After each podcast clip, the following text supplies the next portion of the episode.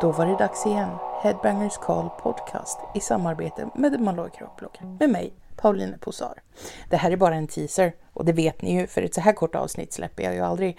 Men det här är någonting som ni har att se fram emot. Så lyssna lite nu så har ni någonting längre att se fram emot sen. Kram och ciao! ciao, ciao. Hard rock, heavy metal attitude and then when you start singing it's like you can't stop smiling. Oh, thank you.